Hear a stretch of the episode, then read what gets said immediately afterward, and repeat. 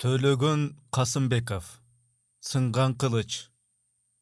Тарыхый роман. Биринчи бөлүм. Кан ордо. Ордосу болбой эл болбойт. Ордолуу эл кем болбойт? Ордосу жок журту жок. Ортосунда ыркы жок. Эл дегенге тең болбойт. Эл акылы бир миң сегиз жүз алтымыш бешинчи жыл генерал черняев боз чаптуу дөңдө жалгыз көздүү дүрбү салып турду. Бет алдындагы түз талаа гана эмес те алда кайда карарган чоочун ташкен дубалы мунарыктын алдында жаткан дарактуу кыштактар сай бойлорундагы күдүрөйгөн камыштар андан бери канаттуу чегирткелерде жайнап акырын жылып келаткан көп аскер даана көрүнүп жатты. Кылка кылка атчандар арты көрүнбөй ийрилип чубалган жөөлөр боз чаң ар жерден бирткелеп түтөп кайра жерге сүйрөлүп суйдаң сарала тулаң чөптөргө жалгыз аяк көк жантактарга самсып төгүлөт. Алыстан ат кишенейт адамдын жаң жуңу кулакка илешет. Кокондуктар мынчалык камдуу келерин генерал күтпөгөн эле бирок жүрөгүнүн өртү өчө элек курагы ак саргыл жүзүнөн кандайдыр бир кооптонуу көрүнбөдү жеңишинин тагдырына санар кубу болбоду. Кайта эч капарсыз гана каралжын саргыч мурутунун алдынан текебер жымыйып тиктеп турду. Бул ийри кылыч жандарды биринчи жолу көрүп отурабы? Бататар мылтык менен толук куралданган бир жарым миң солдаты бул жер түгүл европага жүрүш кылууга жарай турган мыкты артиллериясы бар эмнеден кооп сынамакчы кандайдыр бир коркунуч түзүүчү шарт азырынча бет алдында жок сыяктуу болчу. Ушул учурда кокондуктардын аскер башчысы дагы мерчемдүү өңүткө келген. Ак боз аргымактын тизгинин жыя тутуп сары талааны туш тарабына боз чаптуу майда адырларга өңүт тандап бөлүнүп кетип жатышкан кошун кыйрына назар таштады. Көздөрү канталап иреңи кубарып бырышы көбөйүп уйкудан жүдөгөн анын үстүнө эки ининен жеңсиз каралагым кап ак боз аргымактын дүңкүйгөн соорусуна чубалып көлбүп басып дагы көрүмсүз кылып салган кушту жырткыч кылган тырмагы кишини сүрдүү кылган мансабы жандап турган нөкөрлөр удайчылар көзүнүн агы менен чимирлешип ал эч ким менен сүйлөшпөй эч ким менен макулдашпай туш тарабын колун серелеп карап акырын ооз кыбыратуу менен керектүү буйруктарын оң канатка сол канатка берип турду. Үч күндөн берки акмалашуу бүтүп бирине биринин сыры такыр белгисиз эки жоо үрөй учурган тымтырс бойдон акырындап улам жакындашып келатты. Сыпайлар бет алдын өңүтүн бат бат өзгөртүп туш келди бастырышып бирде дыр коюп ат ойнотуп бирде элтийип токтой калышып жатты үстөмдүктү алыш үчүнбү күнбатыш тараптан генерал черняевдин айрым бөлүктөрү биринчи болуп кол салып тынымсыз барабан дабырап арт жагынан анда санда дүңгүрөп замбирег атылып жүрөк күчүткөн сүр менен кокон кошунунун сол канатын түрө чыкты. Бир тегиз ак кийинген солдаттар ок жете турган аралыктан анча өтүшпөй лег электердей желе тартып эки жакка жайылып жабыла ок чыгарышып көгөрүп каптап киришти аскер башы жаак териси тырышып канталаган жүдөө көздөрүн акырын ирмегилеп камчылуу колун чекесине алып ойго батып тиктеп калды. Нөкөрлөр не эстейди. Ар бири ичинен кармашуунун жоопкерчилигинен өзүн какас ойлоп буган тээр экен дешкендей алдыртан аскер башыга көз салышып унчукпай кай биринин дени өлүп кай бири табалап тышынан жөр көмүчтөй бүрүшүп оозун карап катып турушту аскер башы чарчаңкы улутунду. Чырнай паша кылычташууга жеткирбей өзүнүн огу келгидей аралыктан бери өтпөй кууп атып кырмакчыбы? Жакын турган абдымомунбек эңилип ошондойго таксыр бул каапырдын ою деди акырын. Аскер башы ойлонуп унчукпай калды. Канталаган жүдөө көздөрү чекчейип тиги кымкут түшүрүп өткөн сыяктуу улам кысып шатырап жакындап келаткан жакты диртилдеп чаргып тынчы кете баштады. Ал акырын ооз кыбыратып буйрук айтты. Толгомо анын ою душманын замбиректеринен бөлүп алаксытып желиктирип ортону көздөй көп такат кылбай кое берип анан эки капталынан шап ороп окко карабай жабыла ат коюп кирип бирме бир салгылашууга тартуу. Ага жеткенде генерал черняев темир курчоодо калмакчы. Жеткиреби ошого. Муну генерал баамдап кое тургандай же бирөө жеткирип сала тургандай жүрөгү чоочулап ичи бир кымылдап бир сыйрылып башына кан дүргүп жаны түтөп барган сайын чыдамы бүтүп баратты. Ал сол канат жакка бастырды. Генерал черняев дүрбүнү көзүнөн алды. Бир пас жөн тиктеп жерди көзү менен чендеп алды дагы буйгада бугуп турушкан атчан казак жүздөрүн эки канаттан тең ок менен алга берүүгө буйрук кылды. Анын ою байкоо эгер көптүккө салып жапырып киришсе аткылоо менен дароо артка чегинип аларды замбиректердин огуна капталтуу кайра чабуулга өтүү адай алышпаса кууп атып улам жаңы өңүттөрдү колго ала берүү генерал чоң дүрбүнү кайра көзүнө алды кызыл кийинген сарбаздар далдакташып шашып жүрүшкөн болуу керек. Кытайча деп аталган кичинекей жез замбиректерин дөңдөргө орнотуп жатышат. Алардан бери ар жерде үйрүлүп токтой калып турган сыпайлардын үстү жагында милтелүү мылтыктарынан улам түтүндү бурк эттире мергендери бат бат ок чыгарууда кай жакты мелдеп жатышты экен? Генерал байкай албады. Өзүнүн алдындагы аткычтар ротасынын желеленген катарын сыдырып тиктеди жыгылганы же катардан аксап калып калганы көзүнө чалынган жок. Андан соң чоң дүрбү кокон кошунунун так ортосун генералдын алдына тартты. Боз чаптуу дөң бир топ атчан акырын сол канат жакка бастырып баратышат. Генерал алдыңкы ак боз атчанды көп имерип тиктеди. Алымкул даңазалуу аскер башчысы ошол өзү деди ак саргыч жүзү көгүлтүр тунук көзү жайнап өзү келген экен алдыңкы өңүткө ак боз аргымакчан аскер башы өз тегерегиндеги тандалган сыпайларды октон четтеп аздап кетенчиктей берүүгө буйрук кылды дагы өзү бир топ удайчы менен генерал черняевдин алдыңкы күчтөрүнүн жолунда калды. Эми ок чырылдап келип жакын түшө баштады. Акырын селтилдеп кошкуруп кулактарын тикчийтип тиги улам жакындап келаткан чоочун каңыртты тиктеп ооздугун шылдырт чайнап ак боз аргымак тыбырады эмне үчүн? Аскер башы кылычын булгалап тизгинди жыя тутуп теминип ак боз аргымакты ан сайын элертип кыйкырып ураан таштап карашалай берди. Ал душманынын көңүлүн өзүнө тартты кармашууга чындап киргендей түр көрсөтүп кытайчаларынан тындырбай ок чыгарта баштады. Бирок ал кытайчаларын бирдемеге жарайт деп үмүт кылган жок. Кытайчалар орус замбиректерине караганда көсөө эле антсе дагы сарбаздар кутургандай дүңкүлдөтүштү мелжеген жерге жетпей октору ара жолдо чаңга аралаша тоголонуп калып жатты. А аскер башы дагы эле ат ойнотуп дөңдө. Ошол учурда ага жакын турган нөкөрдүн аты чыңырып кош аяктап тура калды дагы оң колоп жыгылып түштү. Ээсин баса жыгылды. Тургандардын үрөйү учту. Аскер башы гана өлүм издеген сыяктуу өжөрлөнүп ат ойнотуп шаңданып көзгө түшө берди генерал черняев баарын көрүп турду. Ага аскер башы желөпкө жигиттей жеңил сезилди. Ал дүрбүнү көзүнөн алып мыйыгынан күлдү. Мына күн чыгышта октун алдында жылаңач чапмай али бар. Ок баатырды аябы. Бул башы менен бу аскер башыбыз бөөдө өлүп калат. Бул менин билишимче кыргыз кыпчактын жедигер уругунан чыккан киши деп эске салды. Генералга жакын турган аскерче кийинген ориенталист. Кокон калкынын эң тынчы жок согушчан катмарынын башкы жол башчысы көсөмү. Бул адам өз ара кармашуудан быркыранып бузулуп калган уруулардын союзун кийинки үч жылдын ичинде өзүнүн акылы менен айлакерлиги менен албетте мүмкүндүгүнүн болушунча кайра бириктирди согушка жарамдуулугун бир кыйла көтөрдү. Генерал жактырбады ал бет алдын тиктеп турган калыбында өзүнчө күңкүлдөп койду. Баары бир кеч болуп калды.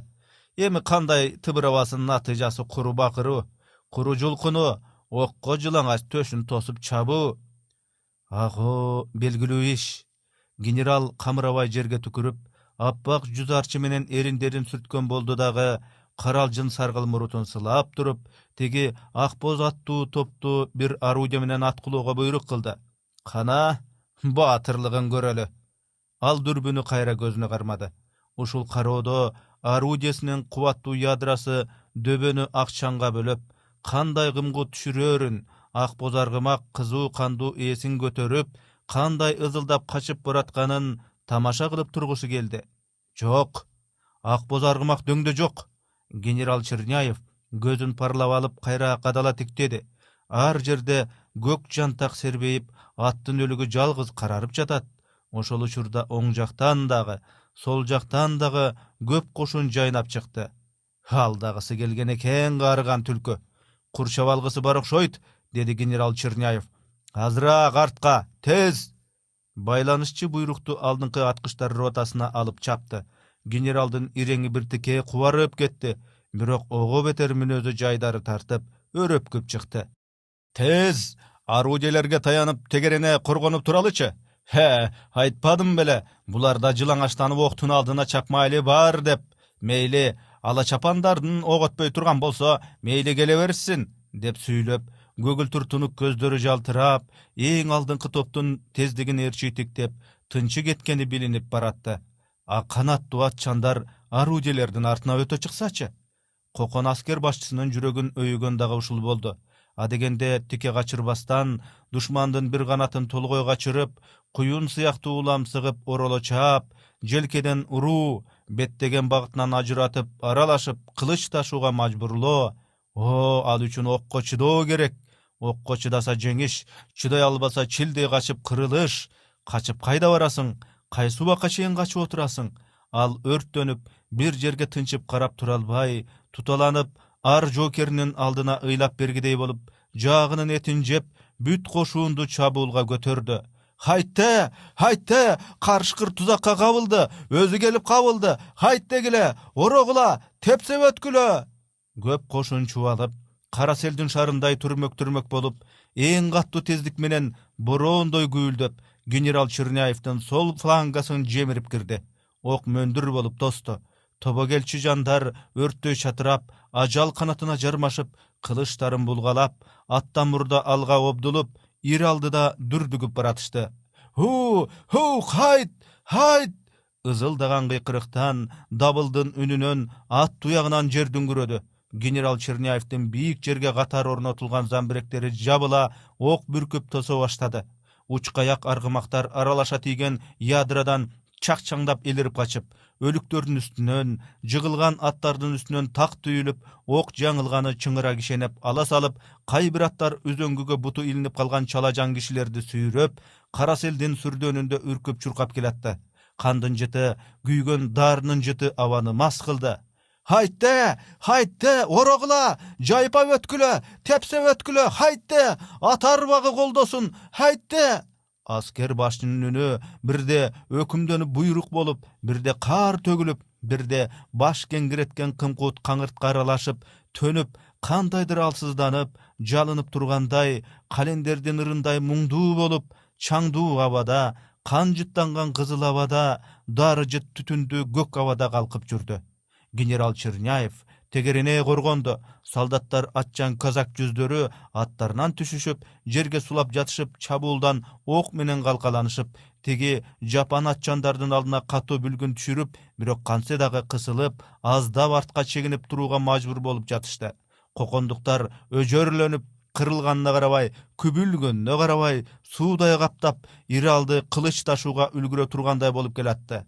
Генерал черняевдин жүзүнөн текебер жылмаюу кете баштады. Ок канчага жараар экен жапан атчандар канчага чыдаар экен. Анын жүрөгүн дүкүлдөтүп жапан атчандар оролуп баратты. Жанындагы нөкөрлөрүнөн кымкутта аскер башы ажырай түшкөн эле. Бир гана удайчысы ээрчип жүрдү. Ал эч адашпай эч калбай көлөкөсү сыяктуу ээрчип жүрдү. Аты да кара өзүнүн иреңи да кара түнөрүңкү сууз муздак болчу эриндерин бек кымтып агы көрүнбөгөн кичинекей жылтыр көздөрүн былк эттирбей аскер башыны дайыма тиктеп жүрдү. Колунда милтелүү кара мылтык милтесинен такыр чок өчүрбөйт аскер башы жер түтөгөн чуунун ичинде булуттай ак боз аргымакты кылаактатып кылычын булгалап кар көчкүдөй дүңгүрөп агып өтүп жаткан кошунду карап хайте хайте деп кыйкырып ураан таштап токтоло калды. Удайчы эки жакты бат бат каранды анын агы көрүнбөгөн жылтыр көздөрү диртилдеп аскер башынын далысынан өтө баштады. Бул эмнеси ал атынан леп ыргып түшө калды. Ага эч ким серп салбады. Жан кулактын учунда бараткан ызы чууда эч ким байкабады. Кара атынын далдасына өзүнүн кара денесин жашыра берип атынын кара жалынан мылтыктын учун ашыра сунду. Шашты жүрөгү лакылдап аскер башчысынын даалысын кароолго токтото албай өзүнөн өзү чочуп селттеп мылтыкты кайра тартты. Акактап оозун ачкан бойдон дагы эки жакты бат бат каранды дароо эңиле кара жалдан мылтыкты дагы ашырышка батынды. Көз ирмемде мылтык үнү тап этти аскер башы селт дегендей болуп түзөлө түштү дагы акырын ийилип эрдин кашына өбөктөп туруп калды удайчынын кичинекей жылтыр көздөрүнүн агы эми көрүнүп колдору титиреп бели бүкчүйүп атын тизгинден тарта акырын артка кетенчиктеп жөнөдү аскер башы ат үстүндө термеле эсин жыйдып элем араң кылчайып артын карады. Ууртуна канчыга түшкөн эле. Ал киркиреп алсыз үн салып удайчыны атынан чакырды. Аны жардамга чакырды. Удайчы үн бере албады калтырап мууну шалдырап атына эмгектеп араң минди дагы кулагын жапырып атын бат бат желдирип качкан уурунун көлөкөсүндөй кубаңдап караңдап жөнөп берди. Көңүлү азды жарадар болгонун билди. Көкүрөгүнүн тереңинде кандайдыр бир өжөргүч аны бек кармап жымыратып келаткан уйкудай шалдыроодон түртүп ойготуп жатты. Чымыркантты ак боз аргымактын күмүштөй жылтыраган ак жалына колу карышты. Кылычы түшүп кетти ал термелип ага эңкеймекчи болду. Дарман угуруп ошондон нары эрден ой баштады. Ак боз ээсинен тизгини бошобой калып бир тегерене окуранып токтой калды. Ээси үзөңгүгө тырмышты. Жан далбастап чымырканып калтылдап турууга аракет кылды. Чекесинен кара тер кетти. Ууртунан жылжып аккан кан көкүрөгүнө куланып канга чакап колу үзөңгүдөн үзүлүп жер кучактап жыгылды аргымак селт эте түштү дагы кан жыты үркүттүбү кошкуруп тизгинине чалынган бойдон кергиштеп басты. О тагдырдын оюну! Ал алым кул аталык эмес беле! Бүтүндөй бир уюктуу журттун туткасымын дечү эмес беле! Акылдуу тандап бурадар күтпөдү беле! Белдүү тандап сүйөк күтпөдү беле! Кайда алар? Кайда кетти баарысы? Кан жөткүрүп жыгылганда колтугунан жөлөргө бир жан болбоду жанында жер таянып ал акыркы жолу башын көтөрдү. Канаты сынып бийиктен түшкөн бүркүт сыяктуу алысты жарыктыкты армандуу тиктеди көзүнө бүт жер бети өрт каптап келаткандай кыпкызыл болуп көрүндү. Эрбейген чөптөр дагы таштар дагы өзүнүн кара түктүү сөөктүү колдору дагы кыпкызыл болуп өрттөндү. Окко чаап баратышкан атчандар кыпкызыл оттун ичинде кутулуп чыгаар жолу жок чыңырып туюлап эч аргасыз жалбырттап күйүп жүрүшкөндөй көрүндү. Анын көзүн кан чырмап баратты. Нөкөрлөр кыйла артта ат жалына өбөктөшүп жолбоноктон корунушуп ийрилишип турушкан эле. Үстүндө ээси жок тизгинине чалынып улам мүдүрлөп коюп келаткан ак боз аргымакты көрүп четте турганынын үрөйү учуп кетти. Өй баары көрүштү. Жабыла чаап ак бозду кармашты ошол замат аларды түкшүмөл ойлор бийлеп бирин бири алдыртаан тиктешип бири биринен коркушуп шектенишип томсоруп кум сарып туруп калышты. Аталык кайда? Эмне адисе болду? Жабыла тиги ак боз келген жакты көздөй чабышты. Алым кул сербейген эки жантактын ортосунда жүз төмөн түшкөн бойдон жаткан экен. Кара кан көбүктөнүп алдынан жайылып агып боз топуракка сиңип калыптыр. Чалкасынан оодарышты үстүнө үңүлүп турган эң күйөрман кишиси абдымомунбек өксүп жиберди. Чуу көтөрүп кайра токтошту эмне кылаарды билишпей баары шалкайып туруп калышты. Кай бирөөлөрдүн көзүнөн сызылып жаш чыкты кай бирөөлөр шыпшынды кай бирөөлөрдүн бул топтон канткенде суурулуп чыгып кетиштин камына түшө эриндерин ортозаар кымтылып көздөрү ойноду. Киши колду болуптур киши колду болуптур ок артынан тийиптир го. Ок кайдан чыкты кимден чыкты? Абдымомунбек буркурап жер муштады. О бир көзүңө бир көзүң жоо болуп кандай күн болуп кетти бу? Удайчылар кайда жүрүшкөн? Көзүң кашайгырларды кармагыла кармагыла бирин койбой жалгыз ирең суук удайчы жок болуп чыкты. Ушул учурда ал ташкенттин жолунда чаң түтөтүп уруп бараткан эле. Аскер башынын киши колду болуп калганы кошунга жел менен кошо тарады чабуулга күйүлөнүп баратышкан жүздөр элтейип тизгин тартып токтой башташты. Бирине бири шек санап биринен бири абайлап кандайдыр бир кескин сөзгө кескин кадамга барбай миң башыларын эстейди. Паңсаттарын эстейди. Кимге кулак тутушат кимдин буйругун угушат бири дагы мындай кылалы деп алдыга чыга албады жер жайнаган көп кошун ушундай кысталыш учурда башсыз калды кошундун алды генерал черняевдин артына ороло баштаган болчу. Ушул учурда күтпөгөн жерден арты суюла түштү. Көз ачырбай каптап келатышкан сансыз атчандар жел башка жака айдап жөнөгөн жөө тумандай түрүлүп салгылашка кирбей кыя салып четтеп кете башташты. Алды көмөксүз демсиз калды. Таш менен урса жеткидей жакындан түз атылган окторго калбыр болуп бири калбай жер кучактап жыгылышты үзөңгүгө буту илинип калган өлүктөрдү сүйрөп чыңырып кишенеп кергиштеп качып жүргөн аттар дагы кутулган жок ырайымсыз коргошун кубалап издеп тийди. Генерал черняев оңолууга дароо мүмкүндүк алып өңүттөрүн тез бекемдеп экинчи чабуулду күтүп калды. Экинчи чабуул кай тараптан келер экен? Ал дүрбү салып мерчемдүү багыттарды арытып карады. Шектүү эчтеме жок. Ар кайсы дөңдө бүлбүлдөп майда туулар көрүнүп туу түбүнө чакырган дабылдардын үндөрү дүңкүлдөп чыга баштады. Генералдын көз алдында эмелеки суудай бирдиктүү кошун майда майда топ болуп бөлүнүп чаап майданды таштап тууларды карай самсып тарады. Буларга эмне болду? Кандай аскер башы өңүтүн таштап чыга берет ушундай саатта? Генерал ишене албады. Каарыган карышкыр дагы бир шумдугун көрсөткүсү келди бекен же буларга эмне болду деди генерал черняев кайрадан кайра дүрбү салып. Мына сага күн чыгыш. Улам бир күтүлбөгөн ишке урунасың ойноктогон ак боз ат эч жерден дүрбүнүн көзүнө илинбей койду. Көк өзөн жээктери бири бирине уланышкан жалгамыш майда бадал түркүн чөптөр жапайы беделер мала кызыл гүл ачып ар жеринде ак какым үлпүлдөп жыттуу эрмендин баштары сары тартып кылкылдап турат. Көктүн жыты аңкыйт чоң ак сары көпөлөктөр бейкут учушуп кайра жер тандап конушуп күнөстөшүп бирдемеден үрккөндөй кайра серпиле көтөрүлүп серүүн абада кылактап жүрүшөт. Кош баш жүрүшкөн чымчыктардын тилинен башка эчтеме магдуроосун ойготпой аба тыптынч. Теңирберди жашыл адырдан чөп басып кеткен бир таман ири жол менен кулундуу сарала бээсин жай бастырып өзөн боюна түшүп келди. Көк өзөн боюнда адам байырлаган жалгыз дарак ушул чоң түп шаатыт жерге сойлоп чөгүп жаткан кызыл нардын мойнундай ири ноодаларынын шагы калың түбү жайлуу көлөкөлүү жел болсо болбосо дагы башына майда толкун жүрүп балыгы үрккөн көлдүн бетиндей жыбырап көйкөлүп дайыма акырын шыбырлап турар эле теңирберди бээсинин белин бошотуп ооздугун чыгарып жапайы бедиге кое берди. Канжугасына байлана келген кичинекей кол чанаштагы кымызды чечип алып эч шашылбай басып шаатыттын түбүнө кирди. Аны бутакка илди.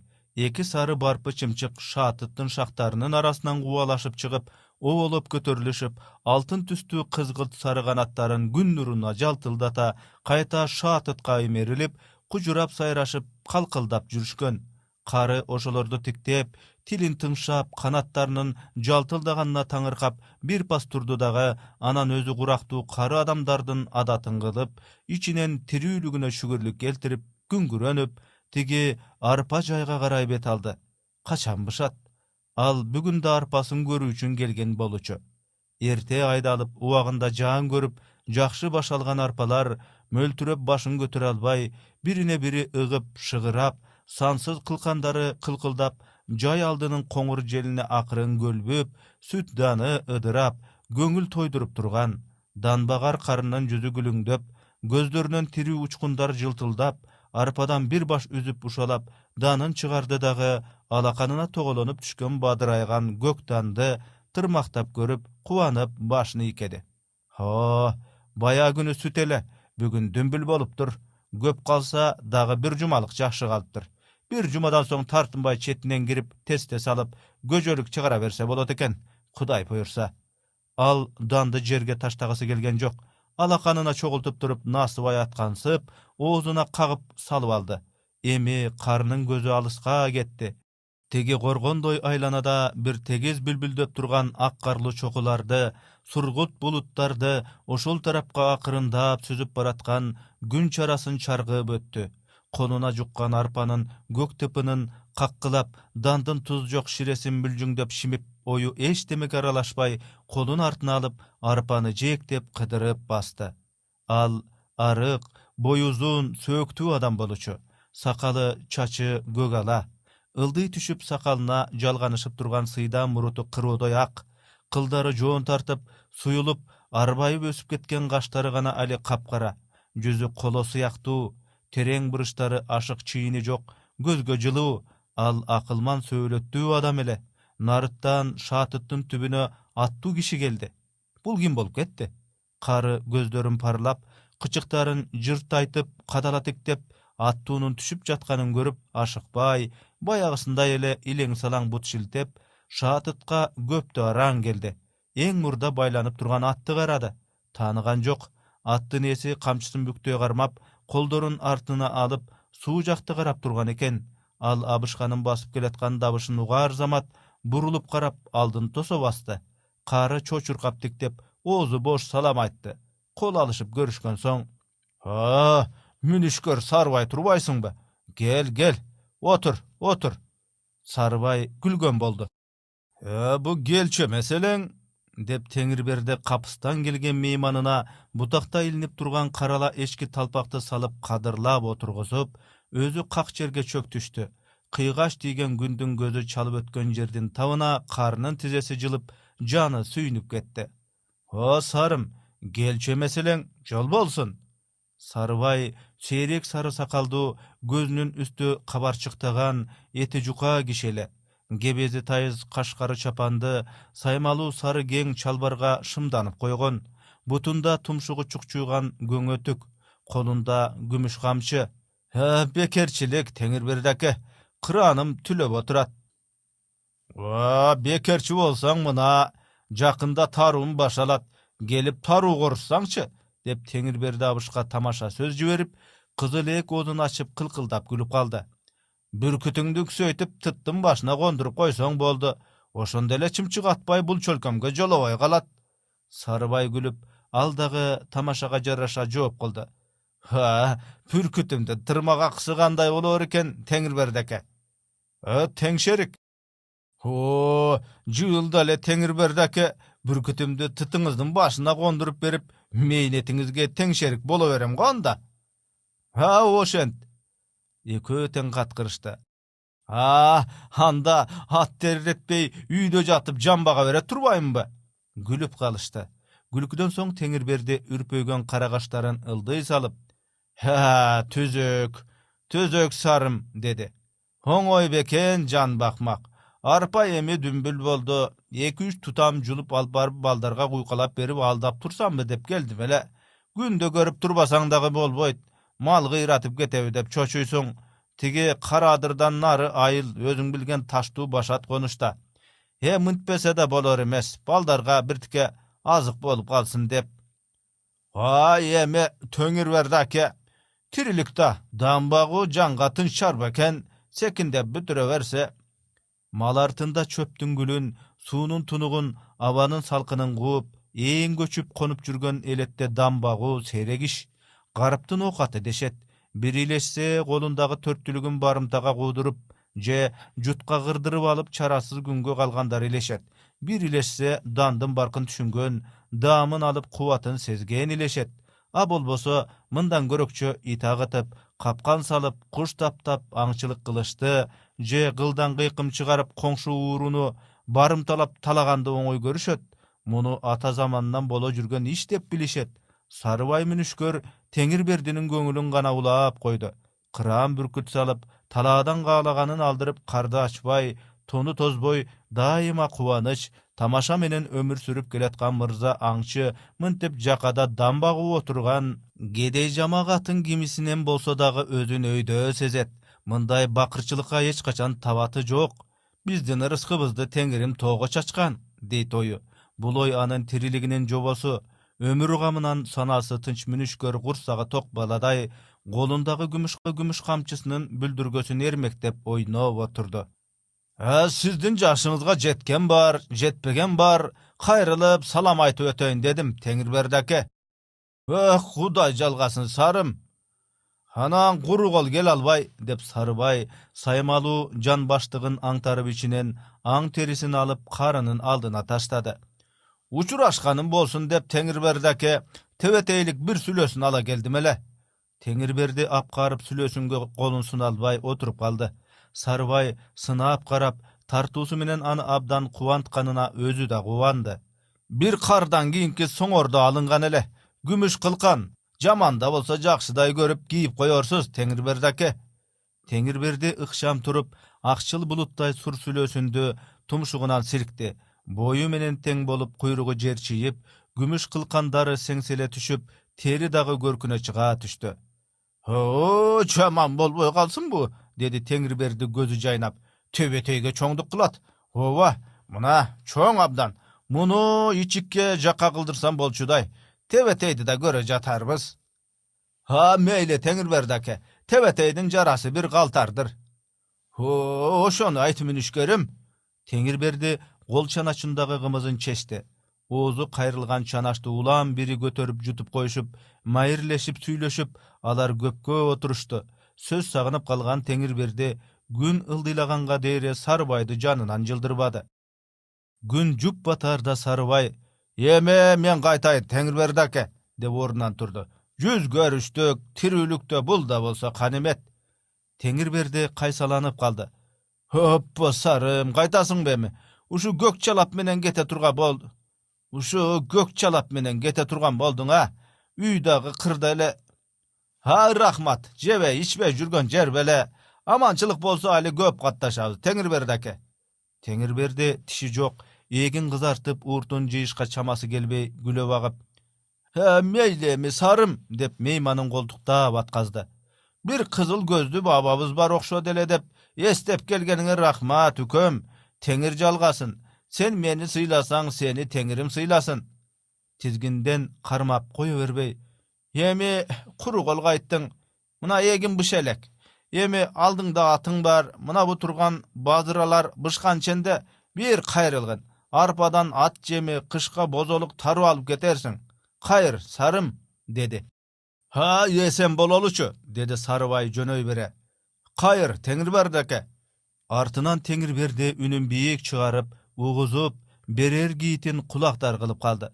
А ошент сарым бир кайрылып кет эсиңден чыгарба сарым!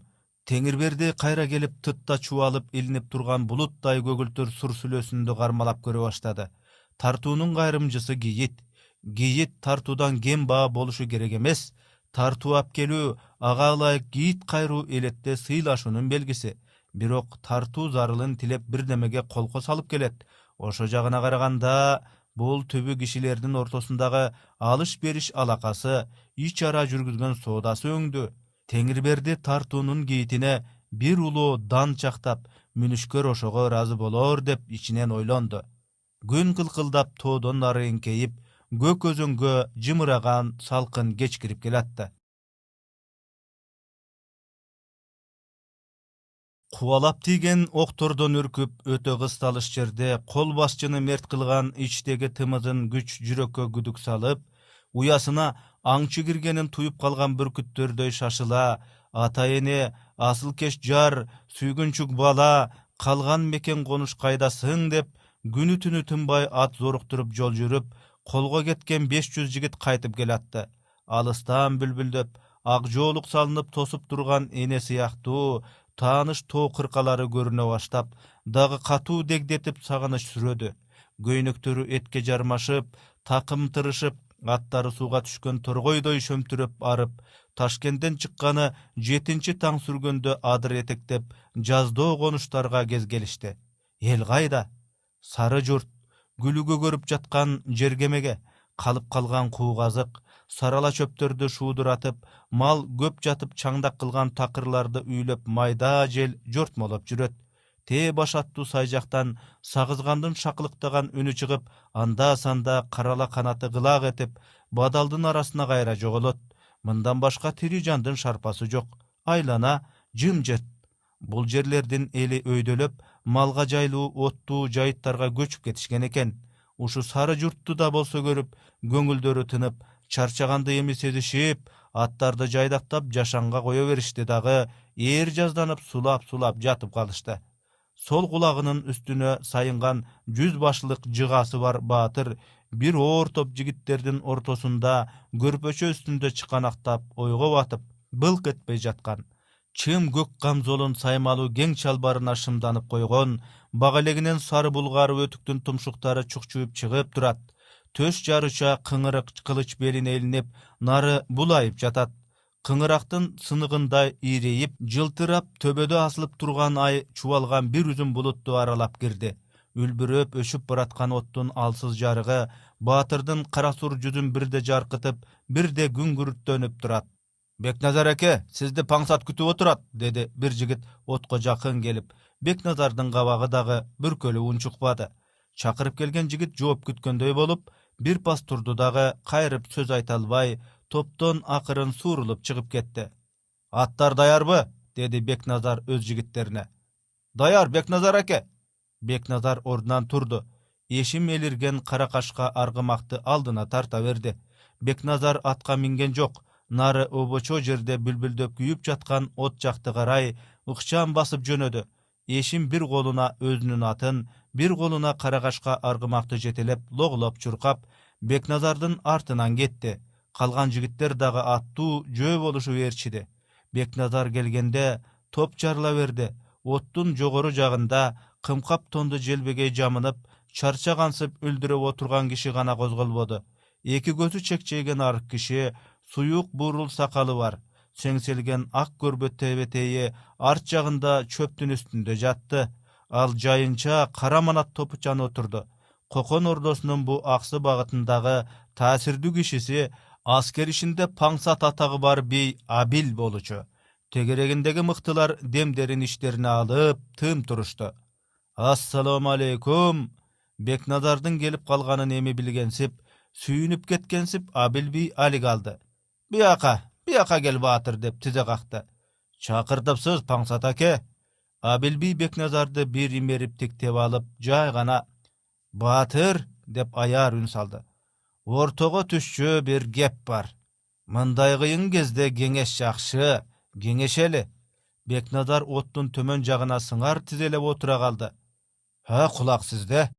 Эмне кылган менен абил алда нерседен кооптуудай ичи түтпөй турган өңдүү ал бекназарды дагы бир кадалып тиктеди э бузулар үйдөн эң биринчи ырк кетет атасынан адилдик кетет баласынан намыс кетет катыны айыңчы келини ууру болот. Бирин бири сыйлашуудан калат биригип үй тутунуу милдетин унутушат. А баатыр мына ушуну ойлонушубуз зарыл. Карачал баатыр сөзгө кулак түрбөдү өмүрү ат жалында өткөн эр көкүрөк түркөй сөздүн баасына сөздүн салмагына баамы жок. Шилтеген жагын жарып түшүп кызматын кылган абил бийдин колундагы бир кара күч эле. Ал отко колун калап тынч отура берди. Мына аталыктын көзү өттү эми көрүп алабыз ордодо дагы ит тартыш чыгат дагы кудай уруп чабыш башталат тигинтип бир жактан орус сыгып келатат. Башсыз көзсүз терс карашып жатканыбызда бир күнү же хандан келип же орустан келип кана байран түшүрүп чаап кетсе анда эмне болобуз? Абил бий тарамыштуу арык колу менен сакалынын учун кармалап ичинен тооба келтиргенсип койду. Абил бий жылмайган болду. Ордо баарыбызга тең баатыр бекназар унчуккан жок. Абил бий анын жүзүн атүгүл оозунан чыккан демине чейин байкап маани берип ушул сүйлөшүүдөн жакшылыкты дагы жамандыкты дагы күтүп отурду. Бекназар жүз башы дайыма бирге болуп ысыкты суукту бирге көрүп жигиттердин көбүнө алынып кетип кийинки күндөрдө паңсатка анча ийилбей тоң моюн болуп бараткан эле. Эмне? Мунун бир айта албай жүргөн кинеси ала албай жүргөн акысы барбы? Алымкул аталыктын киши колдуу болушу булардын ортосун ого бетер суутуп кетти эч пайдасы жок дайыма эле бузула берген ордодон такыр көңүлү калып ордого жакын киши деп мурда эле кыртышы сүйбөгөн бекназар паңсатты жек көрүп калган болчу жолу бир болсо да ташкенден бери бет келишип кеп тартышканы ушул. Абил бий бекназардын кабагын көрдү. Ал азыр ар кандай жыйынтыкка даяр. Бир көңүлү ачылыша кой деди салт эрежесин уруулаш туугандыкты ортого алып да болсо мындай чалкеш учурдагы өз ордун өз таасирин бу чапчаң жүз башыдан өйдө сактап калууга чакырды. Бир көңүлү бул чалкеш учурда муну даалысынан таптап жумша өзүң боюңду качырып милдеттен алысыраак тур замандын түрүнө кара деди. Анын арык бетинин оту дирт дирт этип уйкудан жабыркаган көздөрү бекназарды бат бат чалып турду. «Э, бизге азыр ырк зарыл баатыр бекназар да бирдемени күтүп оттун кызылын тиктеген бойдон былк этпей отуруп паңсаттын акыркы сөзүнө макул болуп акырын башын ийкеди. Мындай учурда баатыр өзүңдөн өтөрү жок. Сары ууругунун колуна өзүң баш бол деди ал кеп чыгарып. Муну элге барып кары жашын бүт чогултуп алдына айтсак болот эле. Бирок жигиттер чарчады үй үйүнө тарап кеткен соң кайта үйрүлүп биригиш узагына тартар. Ошон үчүн артык баш жыйыны жок. Аттан дегенде түп көтөрө аттана бере турган кылып тартипти мукумдаш зарыл. Жигиттер кимдин үнүн тыңшашын кайтуунун түбүндө топтолушун азыр эле аныктап билип тарашы зарыл. Сынай тиктеп отуруп артынан керек этсең мына биз даярбыз. Биздей жашы улуу кишилерден кеңеш ала жүрөрсүң деп акырын кошумчалады паңсаттын оюнда тиги ушул сөздү угаары менен ыргып туруп таазим кылып ырахматын билдирип жиберет го деп биртике үмүтү турган бекназар үн катпай былк этпей өзгөрбөй койду. Бийдин аяр көздөрү анын кебетесинен сенсиз дагы сенин тапшырууңсуз дагы жигиттерге сөз өтөт деген пикирди дароо окуду. Ичи сыйрылды. Бекер айттыбы көптүрүп алдыбы муну? Көздөрү чекчейип жини келе баштады а бекназар паңсаттын ичиндеги куюнду сезди. Куюн уюлгуп уюлгуп келип ташка урунуп бир шойкон чыгарышка деми жетпей сынып жок болуп жатканын көрүп турду. Ха көрөбүз. Жана жолго камынууга буйрук болгондон бери жигиттер топурап аттарын издеп табышып токушуп от жаккандар отторун өчүрүп дүүлүгүп жатышкан эле.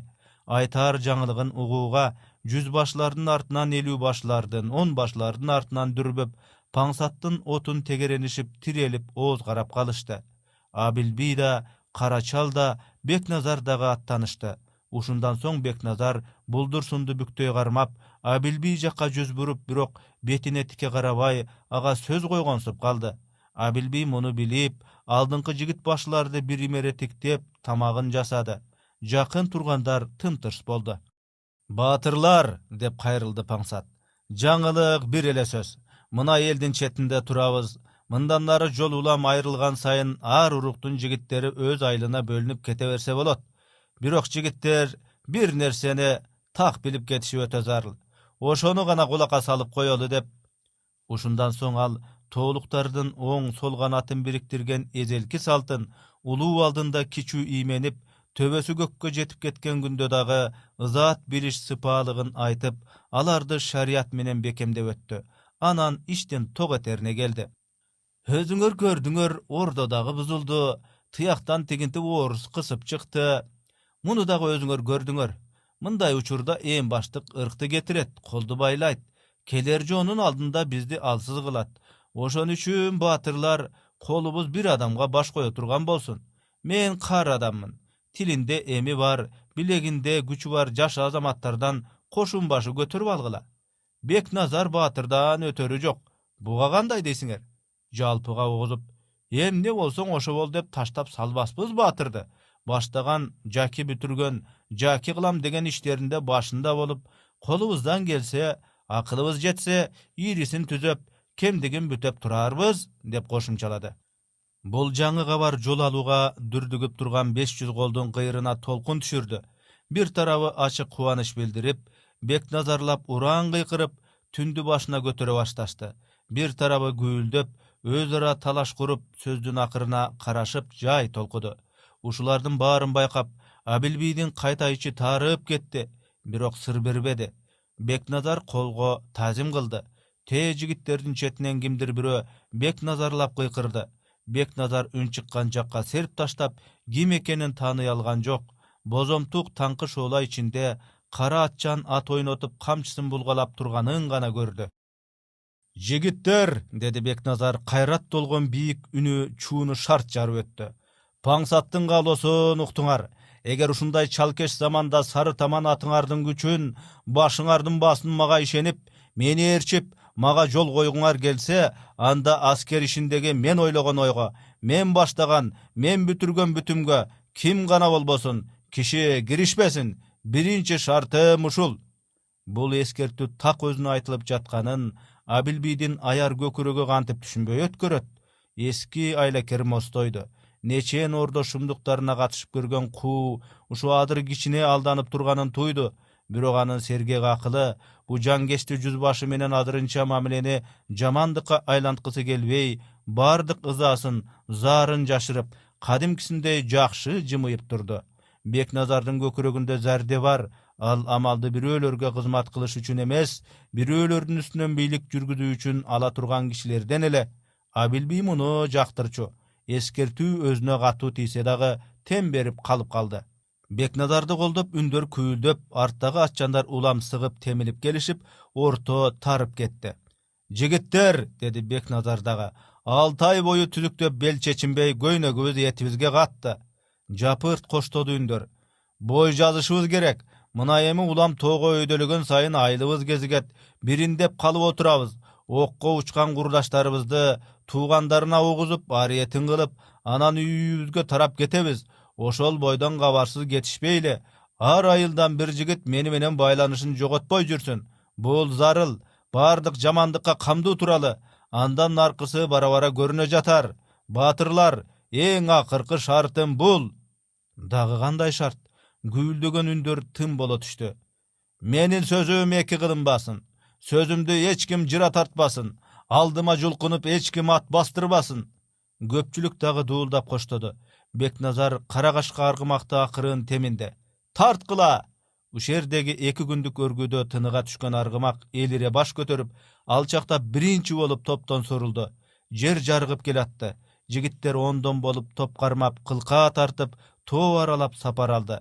Паңсат ойго алдырып анда санда бекназар жакка назар таштап ан сайын ичи бышып ич бышуусу ачууга айланып ачуусун тышка чыгара албай эрдин тиштеп көзүн сүзүп тим болуп келет. Паңсат ошол бойдон тынчый албайт.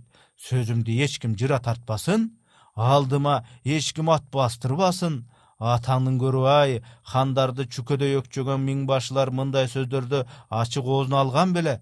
Паңсаттын жүрөгү сыгылды. Кара чал баатыр үргүлөп келатты. Жашы өтүп бараткан адам талыкшыса керек. Он беш асый зор көк чымбыл буудандын үстүндө дым тартпай сүлкүлдөп келатты. Кыйла жолдун учуна жеткен кубаттуу буудан казыгын сагынганбы тоо таянганда ан сайын жерди бооруна алып жан таштап төрт туягын тарсылдатып катуу жүрүштөйт суулуктап ак көбүк булайып омуроо жакка серпиле сампар кардай үзүлүп түшөт. Ээси куш баш эрдин кашына тизгинди карыштыра уруп койгон эле. Ага болбой көк чамбыл буудан кызый кызый ооздугун чайнап оор туяктарын түрсүлдөтүп абилбийдин жоргосун жөөлөп өтө берди. Буга абилбий алдыртан жымыйып кара чалдын алып караанын карап койду. Жолу узады. Көк чамбыл талаар эмес улам тизгинди жемире жүткүнүп бекназардын аргымагына жакындай берди. Бекназар камчыланар жактан жандап калган аттын башын байкап акырын көзүнүн кыйыгы менен тиктеп алып үзөңгүсүн кичине кыбырата кара кашкага дем берип гана тим болду. Көк чымбыл ан сайын атаандашып кыстап баратты. Абилбий ташты ташка уруп ортодон от чыгаргысы келди. Көк чымбыл буудандын кубатын сезип темине барып акырын камчынын учу менен такымга тырс дедире койду. Курч буудан селт этип эргип ооздугун кемирип кара кашка аргымакты жандай салды. Ошол учурда бекназардын колу караңгыны эки бөлүп булак дей түштү. Тарс эткен үн жаңырды. Зор көк чымбыл буудан чыңырып эки алдыңкы буту менен жер чапчып кош аяктап тик тура калды дагы ала салып кетти. Кара чал далдайып учуп түштү. Кара чал баатырдын уйкусу шаңк ачылып калдастап тура чуркаганда тияктан абилби бекназарга кыйкырып ой сен бекназар о сен кимдин атын башка чабасың деп иштин жайын карачалга туйдуруп калды. Эч кимден беттешкенде тартынып көрбөгөн өлөрүн андайда унутуп жибере турган эргөөдөн карачал көк чымбылга кайра минери менен узап калган бекназарга тике салды. Ал жете бергенде бекназар шарт бурулуп бетме бет боло түштү. Экөөнүн ортосунда кылыч мизи жарк деди өлүштү деп арттагылар чур этти жана башына жеп калган көк чымбыл кылычка жеткирбей дагы кош аяктап тик тура жалт берди. Бекназардын кылычы тизгинди кыйып түштү. Каары баатыр кырсыктан аман калды. Тизгини колдон кетип көк чымбылды жалдан тарткылап сөгүлүп ат кеткен жакка кетип жүргөн карачалга бекназар кайра атырылган жок тиктеген дагы жок күткөн дагы жок баягы калыбында жолу менен кете берди кандайбы? Ар кимибизди ар жерге торойто чаап кетет го бу деп абилби кейиген болуп дагы күңкүлдөй баштаганда бекназардын нары тууганы нары жан жигити эшим жаны чыгып кыйкырып жиберди. Эй абил аке кайраба антип эр өлүп кетет! Айзада кара көз башатка эки челек ийин деп сууга келди. Башатта бир топ жылкы суу ичип болуп эми кайда тартарды билбегендей топурап ныксырашып турушкан эле. Башаттан жылжып аккан тунук суу калың жалбызды аралап агып майда көк көпөлөктөр кылак ташып нымга конушуп калкылдап кайра учушуп чиркей аңдыган ыйнеликтер жылжыган суунун бетине жакын ойсоңдоп чабыт кылып жүрүштү. Айзада келгенде жылкылар талыкшып басып төшкө жайылды келин челектерин жерге коюп кара көз башаттын күзгү болуп түпсүз болуп мемиреп жаткан бетин тиктеди. Түбүнөн көк кумдарды чертип бүртүп кайнап турган тунук башат келиндин сүрөтүн өзүнө тартты. Жаш жубандын сулуу жүзүн сагыныч кагаздай агарткан кабагын сууз кылган. Каштарын жыйрып кабак бүркөө ага жарашпайт эле. Ал дайыма жаркырап көз кубантып турууга жаралган бир көркөм жан эле. Каралжың сууга чөгүп турган өзүнө таңыркады. Самайына кол тийгизип жаагын сылай келип токтоп ушунчалык аздыңбы? деп сурагандай болду. Ал акырын улутунду да акырын сызылтып муңдуу кыңылдап ичинен ырдады. Келиндин жүрөк арзуусу жел менен учуп ыргалышкан гүлдөрдү аралап ак баш кулунчактын башында башаттын бошошун күтүп күндү тиктеп бейпил сайрап отурган сары ала чымчыктан нары кетип тынч абага сиңип жатты. Баш кошконуна жылмаалы болбой темир кошунга алынды. Дин чакырып жатат дешти хан чакырып жатат дешти дүңгүрөп аттанып кетишти. Жыл айланды кабар жок. Алгач анча билбей жаркылдап жүрүп бара бара жаштыгы денесине сыйбаган жаш жубан жалгызсырап бир нерсеси кемдиги жан кубанчы жоктугу сезилип көңүлүнө туңгуюк кооп да түшүп кусаа болду. Кай күндөрү ит үрсө эшикке жүгүрүп чыгат. Ар бир шырп эткен табышка кулак түрүп иттин үнүнүн алда кайдан урунуп кетип жаткан жаңырыгын улам дем тартпай тыңшачу мындайда келиндин тышка чыкканын жана эле билип кантээр экен? дегендей байымын басып уйкусуз жаткан сак кайнене кара күчкө жөтөлөр эле. Ушунун өзү анын үйгө тез киришин талап кылуу келин кыңырылып үйгө кирип көшөгөсүн бүлкүлдөтүп акырын ачып кирип төшөгүнө өткөндө ыя мал үрктүбү? деп кыңкыстап сурап чын оюн нары катып ошонусу менен келин эмне үчүн түнкүсүн тышка бат бат чыга берерин чеккенсичү кандайдыр жат көздүн азгырыгынан кооругансычу. Жөн эле дечү айзада кымырылып ал түркүн кыялдарга батып абышка менен кемпирдин тамагынан кыр кыр этип дем тартып жатышканын угуп тыштагы дарактын башында тынымсыз сайраган сүт актын жалынычтуу үнүн тыңшап көп түндөрдү кирпик какпай дагы өткөрчү айзада көзүнүн жашын тазалап эки челегине суу ийин деп ордунан турганда кыштоо жактан келген ири жолдон булуттан үзүлүп түшө калгандай карайып бир оор топ ат жан чыга берди кудум шамал сүргөн тумандай дуулдап тобун бузбай жүрүштөрү катуу арасынан кай бир аттардын басыгы тааныш сезилип кетти. Темирлер бекен челектериндеги суу чайпалганына төгүлгөнүнө карабай ал дагы шашылды атжандар улам жакындады. Бөлөктөр окшойт темир көрүнгөн жок. Айылдын тушуна келгенде эле шарт бурулуп теминип дуу өкүрүп жиберишти.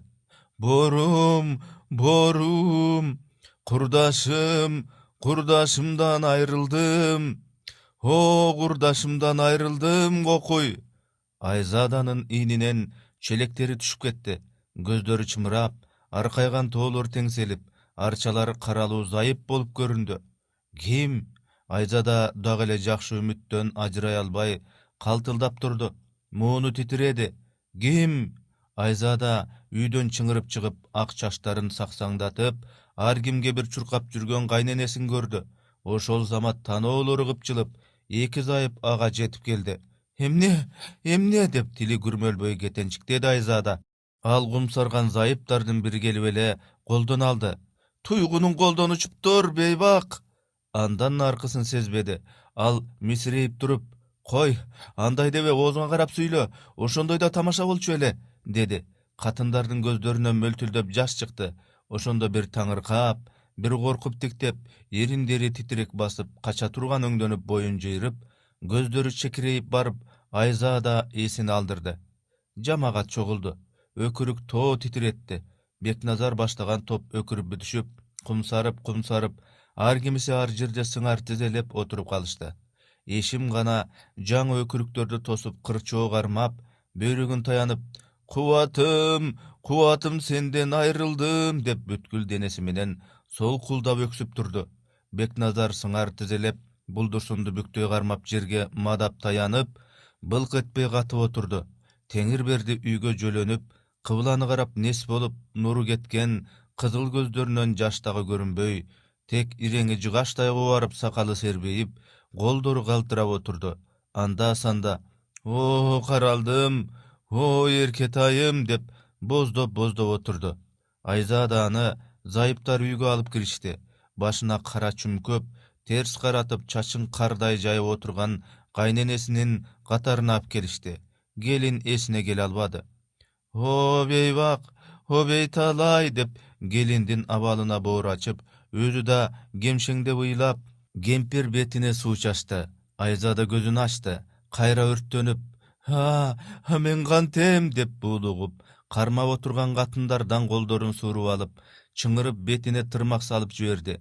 Эки бетинен шилбинин ашындай ийдиреп кан төгүлө түштү. Чуу басаңдаганда бекназар баш көтөрүп теңирбердиге кайрат айтты. Кайрат кыл абаке жазмыш ушу экен отургандар дуу коштоду. Ай энди жазмыш ушу болгон соң жазмыштан кутулган барбы? Энди теңирберди аке күйүткө алдырбай белди бек бууганыңыз жакшы. Баятан бек отурган теңирберди эреркеп жашып кетти. О тагдырым бышкан алма болуп араң отурган чагымда тагдырым сага эмне жазыгым бар эле? А кайран темир ыйлап боздоп тапсак гана дагы эле шүгүрлүк кылыңыз теңирберди аке тагдырга. Темириңиз сынса болотуңуз аман уучуңуз кур эмес теңирберди аке темирден айрылдык. Бир күнү баарыбыз ошобуз. Бирибиз аттан бирибиз таштан бирибиз октон учуп бир күнү баарыбыз жазмышыбызды көрөрбүз. Дүйнөгө устун болгон ким? Кол жеткис бийик дарактагы бир күнү куурап жыгылат. Оболоп учкан ак канат куш дагы бир күнү топ деп жерге түшүп калат. Тагдырдын жазмышы ушул экен го деди бекназар. Баары жер тиктеп аза кылып муңайып отурган элге томсоруп тиктеп кеп жөнөттү. Темир окко учкан күнү ташкенттин алдында элек. Ошол күнү кол башчы киши колду болду. Кол башчы киши колду болгон соң ырк бузулуп ар урук биринин сөзүн бири укпай жаат чыгып чабышып кошун бытырап тарады. Биз да карап тура алган жокпуз эмне болот эмне жок деп эл жактан көңүл тынчыбай набыт болгон жигиттерди бейитке жашырып келе бердик. Бекназар улуу тунуп алды биз илгертен кылычка өктөп уктап кылыч менен ойгонуп келаткан элбиз. Кылычсыз бизге күн жок мындан ары дагы кереги тийип калар. Кереги тийбесе баатырдан калган эстелик болуп керегеңиздин башында илинип турар. Эшим леп тура калып оң ныптасына байлана келген темирдин кылычын чечип кош колдоп теңирбердинин алдына алып барып тизе бүгүп сунду. Эл жым боло түштү. Теңирберди кынына кан каткан кылычты мөгдөп тиктеп калтылдап кетти. О кулунчагым! О чырагым! Жо чапкыр капыстан кармаганда кайда алып барат? Кимдин алдында чөк түшүрөт. Ордо кайда? Бийлик кайда?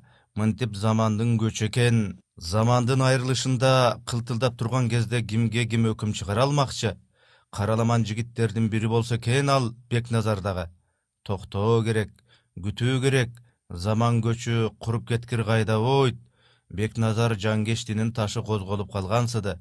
Же ойдо тоголонор же аңгектеп сайылды кетер ыя анда убакыт утулуп калаар бекен кийин кеч болуп калаар бекен. Мына ушинтип дудала болуп жаткан чагында абилбийге ордодон киши келип калды жыйын жайлоодо болду. Шашылыш кабар эл тагдырын чечишке тиешеси бар деп өзүлөрүн кубаттуу сезген айыл бийлери аксакалдары тебетейлерин калдайтып жигиттеринен окчуңдай бастырышып топ топ болуп келип жатышты.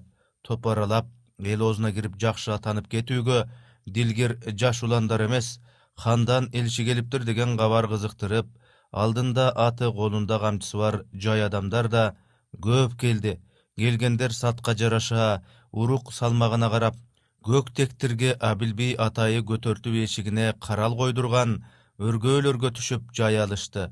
Өргөө аралары кишилерге бака шака болуп көк тектирдин төштөрүнө ат батпай кетти.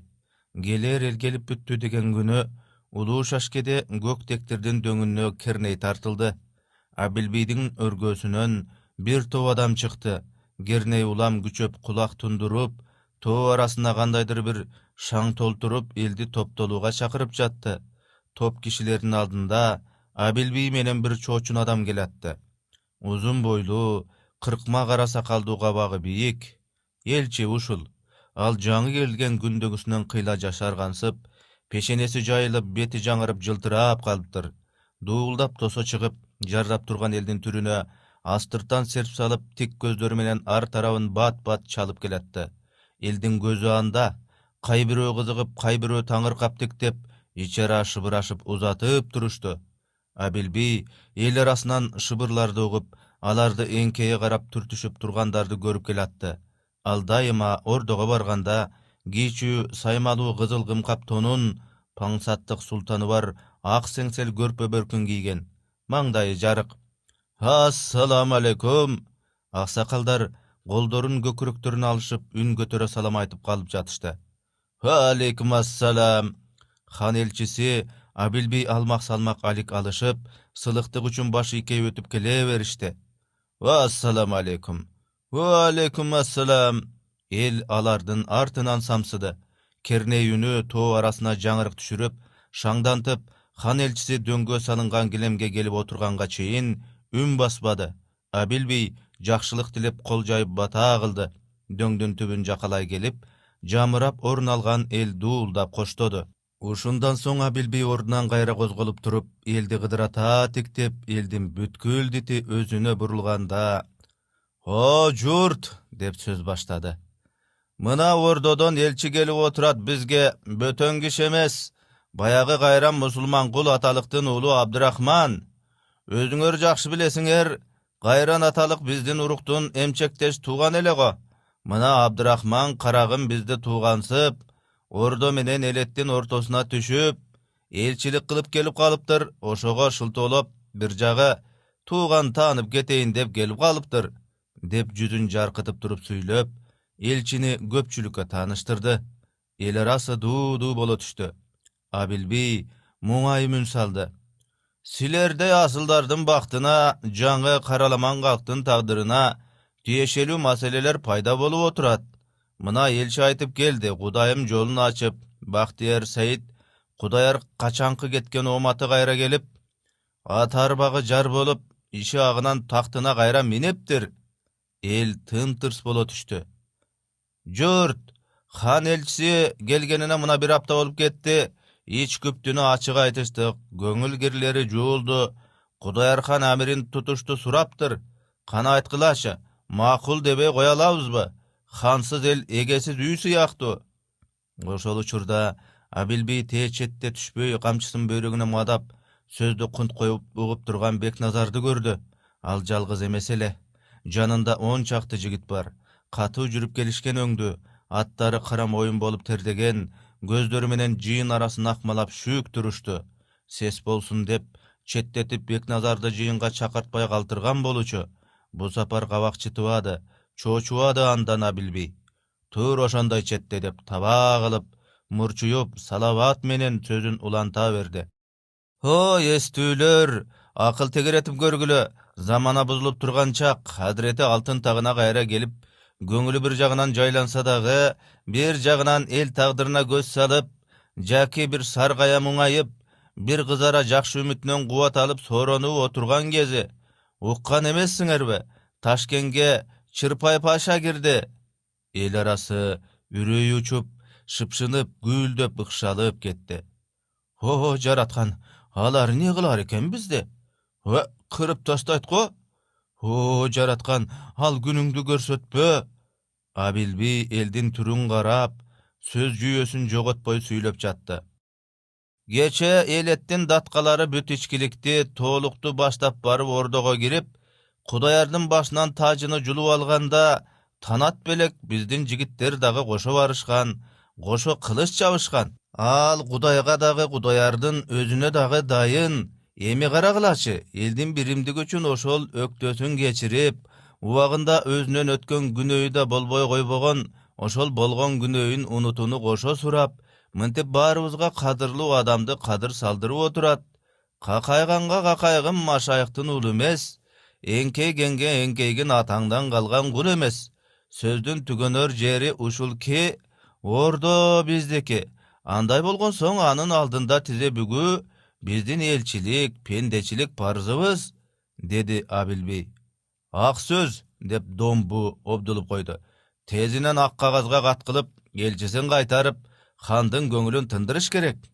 Кудайархан кокон тактысына келерин келип элеттен көңүлү тынбай туш тушка элчи салып эски сөөк улатып күн санап бекемденүү аракетинде эле бул ордонун эң зарыл иши болчу бирок ордодогу аярлардын мунун кабатында бүткөрүп калсак деген ойлору үмүттөрү башкача болчу эгер ордого ушул эле керек боло турган болсо анда абилбей мынча топуратып жыйын чакырып толгонуп сүйлөп отурмак эмес ал элчинин алдында ат тартып тон жаап көңүлүн чак кылып амирине ыркарлыктын белгиси катарында кыйбат тартуу жиберип бат эле өзү билип жөнөтүп салмак. Бул жерде ортого ачып таштап чечмейинче болбой турган чалкеш маселе бар болчу. О паңсат үкөм о жакшылар соболго жооп барбы эл үн чыккан жака дуу эте карап калышты. Элдин орто ченинен бир адамдын малакайы көрүндү. Таягына сүйөнүп билермандар жакты калтылдап тиктеп турат. Бул көтөрүм чал эмнени айтар экен? Буга жыйында эмне бар? Баласынын азасын күтүнүп үйүндө тынч жатсачы. Эл тымтырс болду. Кары жөтөлүп алды. Элчи келиптир дегенди угуп өзүм эле башым ооп келип калдым. О жарыктык сөзүңүз угулбайт. Бери жакын келип айтыңыз деди абилби ыя деди кары киркиреп жанындагылардан бийдин сөзүнүн маанисин угуп алып аярлап алдыга жылып басты. Чөл чөлдө элем биртике бадыра таруу бар эле. Ошону балдарга тесте салдырып жүрдүм эле. Тирилик да жан сактоонун далалаты да домбу ачууланып карарып кетти.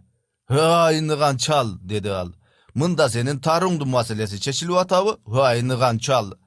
Карынын кулагы муну угуп ал домбуну кызыл көзү менен томсоруп бир тиктеп алды. Карынын алмак кактай бырыштуу сөөлсүз бети ан сайын кубара түштү. «Э, менин сөзүм кыска деп кары чыйыр алып алдыга өттү. Бийлер кудаяр көрбөй жүргөн кудаяр беле өзү элетте туулуп элетте чоңойгон бала. Бактысыбы шорубу эки жолу хан болду эле. Мына эми үчүнчү жолу кудайым мурадына жеткирип салыптыр. Кут болсундан башка кааларыбыз барбы кут болсун. Кудаяр кудаяр болуп жүрүп айткылачы эмне бейиш көрсөт эле ушул элге? Ой тилиңди тарта кебур деп домбу ордунан тура калды. Эл толкуп шамал термеген дарактын башындай толкуп күңгүрөп кетти ой домбу деди кары сөөмөйлөп сая көрсөтүп каарыды домбу бу жер жыйын. Ордодон киши келип отурат. Ушундай учурда тил тартабы? Домбу сөзгө жыгылып калды. Абил атаң карашби кудай бейишин берсин? Кайран агабыз жакшы адам эле. Мына сен да жаман болгон жоксуң. Атадан арта туулбасаң кем туулбадың? Айтчы жаргым бу кудай амирин туткан элге эмне жакшылык убада кылыптыр? Бул ак суроо эле. Абилби журтчулукту динди ортого салып ээритип сүйлөп жатканда ооз ача албай балык болуп тостоюп олтуруп калган адамдар эми сөз өзүлөрүнүн эртеңки көрөр күнүнө келип урунганда эстерине келе түшүштүыя чын эле эмне жакшылык кылам? дептир. Акылдуу карынын суроосу жыйындын түрүн өзгөртүп жиберди. Ак суроо ак суроо айтсын элчиси баягы кыпчактарга көрсөткөн бейишидир ачык айтсын элчи ушул жерде абдырахман ордунан турду. Элдин кыйкырыгы дароо тыйылып бүт жыйын анын оозун карап калды. Элчи бая күнкү абил бийдин өргөөсүнө киргендегидей жупунуу эле. Андагыдай көздөрү кооптонуп чимирилип кыбыр эткен кыймылды карабай көңүлү жай сыяктуу бүркүт кабактын алдынан өткүр көздөр жыйынды бийиктен имериптиктеп сыр тартып отурду. Туугандарым деп баштады бийик сүйлөп элчи туугандарым мына бий ак ауыз ачык айтты. Хан менен бул элеттин ортосунда өкүнүчтүү болмуштардын бар экени бар. Жок деген болсок биз ат арытып мында келбеген болор элек да туугандарым. Анын баары өткөн иш. Айыккан жара азыр аларды жаңыртып отуруу мамлекеттин бирдигине зыян. Агөрөкчө айык элек жара болгон күндө дагы аны жамыга таандык иштин кадыры үчүн көптөп дарылап калуусуз кылып айыктырып койсо болобу? Болот туугандарым болот. Ал узун боюн алга кичине эңилте башын бир жагына биртике кыңырайта көзүн балбылдатып жагымдуу коңур үн салып мал телигендей муңайым сүйлөп жатты ойлонуп көргүлө о акылы жетик карылар. Ойлонуп көргүлө силер да о каны кызуу уландар. Мамлекет түгүл бир үй бүлөнүн ортосунда дагы кермур кеп өтүшөт го. Аны бүлө башчысы акырын териштирип ар кимисинин күнөөүнө жараша тигиндей бол мындай бол деп калыстык айтып тыйып кое алат.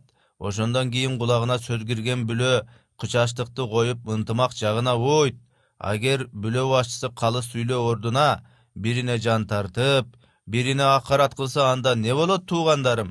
Анда үйдүн тынччылыгы кетет казанынын берекеси учат андай үй бузулат.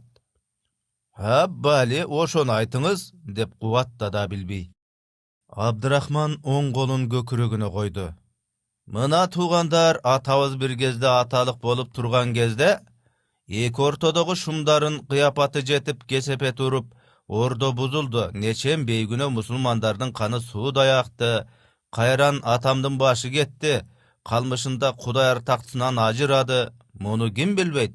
Мына туугандарым мен кек алсам болор эле кек да кылдым алымкул менен алымбек датканы ээрчип жүрдүм. Эмне таптым? Ырк кеткенден башка эмнени көрдүм? Ушу бүгүн силерди жамынып кубат сурасам бир көңүлдү сындырат белеңер. Сындырбайт элеңер бирок мен кайра кудаяр менен саруу тагаларынын ортосун колдон келсе данакер болуп кайтайын деп келдим. Жыйым дым тартпай ойго батып калды. Ак сөз ынтымак туугандык бар болсо кудайдын буйругунан ырыскы өзү табылар. Ак сөз ынтымактан ыйык эмне бар? Жыйын аздап кыймылга келип ич ара гүүлдөп толкуй баштады. Абилби жаркырады. Элдин бирдиктүү түрүнө кубанып карап ал дагы толкуп турду ал ордунан копшолоо берип эки колун бийик көтөрө жыйынга кайрылды. О журт деди ал азыр өктөм. Абдырахмандын колунан бир ором кагазды хандын мөөрү менен тастыкталган кагазды кош колдоп алып урматтап өйдө көтөрдү. Бешенесине эрдине тийгизип тооп кылды. Бул о эл агасы жакшылар! Силерге айтам о эр көкүрөк баатырлар бул хазиретинин бизге жиберген жарлыгы төштө оттоп турган токулуу аттардын бейпил бышкырыгы майда жортмолоп турган серүүн желдин үзүл кесил шуу шуу эткен шоокумунан башка угулбай жыйын дем тартпай тымтырс болуп абил бийдин колундагы бекайбат кагазды тиктеп калды. Мамлекеттин зарылы үчүн кыл куйруктан тандалган аргымактар керек аргымактарга минип чаба турган азамат жигиттер керек кылчаңдоо болбойт. Ханжарлыгы бир. Баягы колго барып жүргөн жигиттер бүт аттанат. Кошумча жыябыз. Бир айлык гүл азыгы коштогон аты куралы толук болсун. Мен өзүм кол баштайм. Токтоо болбойт. Кайра жыйын кайра маслахат куруп отурушка убакыт жок. Жигиттерди тез тез шайландыргыла. Нары кетсе бир айдын ичинде түгөлүбүз менен коконго түшүп таажынын алдына таазим кылабыз. Паңсат аке элчиге бир собол жыйын абил бийдин сөзүн бузган бийик үн чыккан жакка дүркүрөп бурулду. Бекназар ал ат үстүндө үзөңгүнү керетип обдулуп турган эле. Абил бийдин көзүнө кан толо түштү. А тууган деди бекназар кыйкырып. Хандын бизге кылар жакшылыгы ушул беле. Эртең миңдеп айдап орус мылтыктын оозуна тосмокчу беле. Сиз менен биз билебиз. Орус мылтык түз болот. Орус мылтык алыска тиет бататылат орус мылтыктын оозуна тосмокчу эмес. Сиз менен биздин бүт мусулмандын үйүнө чакыртпай кирип алган душманын куумакчы. Ушундай айтсаңыз туура болот баатыр жигит деп оңдоду абдырахман элчи. Ошондой деп дагы коелу. Тууган бул ордонун акылы амирин туталы дедик. Чабышып жүрүп оңдукпу. Бир жака ооп көчүшүп кетпегенден кийин кайсы жагына болсо дагы ынтымактан бөлөк чара жок эле. Мына тууган амирин тутар замат ордо бизди чырпай пашага аттандыра турбайбы? Куп аттаналы ордо биздики коргойлу. Бирок ордо башылар акыл тапсын. Чырнай пашаныкындай түз алыс атар бататар мылтык тапсын. Кыңыраак жарабайт эми. Бекназар кылычын өйдө ыргытып кайра сабынан тосуп алды. Бул эми түн каткан ууруга гана пеш боло алат болсо уктуңузбу мылтык берсин замбирек берсин дебей эле коелу. Ой баса түштү элчини жыйын анын оозун тиктеп калды. Абил бий күйүп кетти. Бекназар токтот бекназар! деп чаңырып жиберди. А бекназар токтолбой элчиге тике кадалып тууган жан кылыңыз бизден ушул дубай саламды ала кетиңиз! деди. Тапсын бататар мылтык казынанын алтынын нары бери качкан сайын артынып жүрбөй сатып алсын ошол орустун өзүнөн.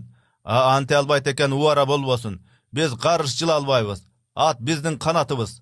Канатыбызды жулдуруп боорубуз менен сойлоп калгыбыз жок. Жигиттер биздин жүрөгүбүз. Жүрөгүбүздү окко жылаңач тосоор алыбыз жок. Э чурт бузар! деди абил бий калчылдап. Анын кичинекей кызыл көздөрү заардуу жылтылдай баштады ушул журт бузганбы паңсат аке? Жок мен алаканда турган акыбалды айттым. Бөөдө өлүмдөн жигиттердин башын арачаладым. А болуптур барам дегендин жолунда мен туура жатып албаймын. Бөөдө өлгүсү келген барып көрсүн. Курал табылды дегиле барбай койсом ошондо айткыла. Эми ыраазысызбы бекназар жигиттерин дүбүрөтүп артын карабай жүрүп кетти. Эч ким батынбады эч ким алдыга чыкпады. Элчи дагы абилбий дагы өлүп гана көрбөгөн аяр карылар дагы шалдырап орундан турбай отуруп кала беришти. Жыйындан бөлүнгөн азганактай караан токтолбой көздөн алыстап баратты. А кан кускур деп онтоп жиберди абилбий колдорунун учу титиреп бели солкулдады. Жыйын демин тартып түйшөлө түштү. Жакын жерден кимдир бирөө э кантебиз ыя деди ушуну менен тосмосу жарылып кеткен көл суудай бүт эл тилге кирип кетти. Карбаластап дүүлүгүп орундарынан тура башташты. А туура айтты баатыр ыя тете курал берсин да урушка сала турган болсо. А койдой чуртуп эле өлүмгө айдап бара береби? А кой бөөдө өлүгүм жок менин кабак чытылып колго камчылар карышып көпчүлүк селдей күйүлдөп эжа бербей биринин үнүн бири укпай ызы чуу жабыла атка чуркады.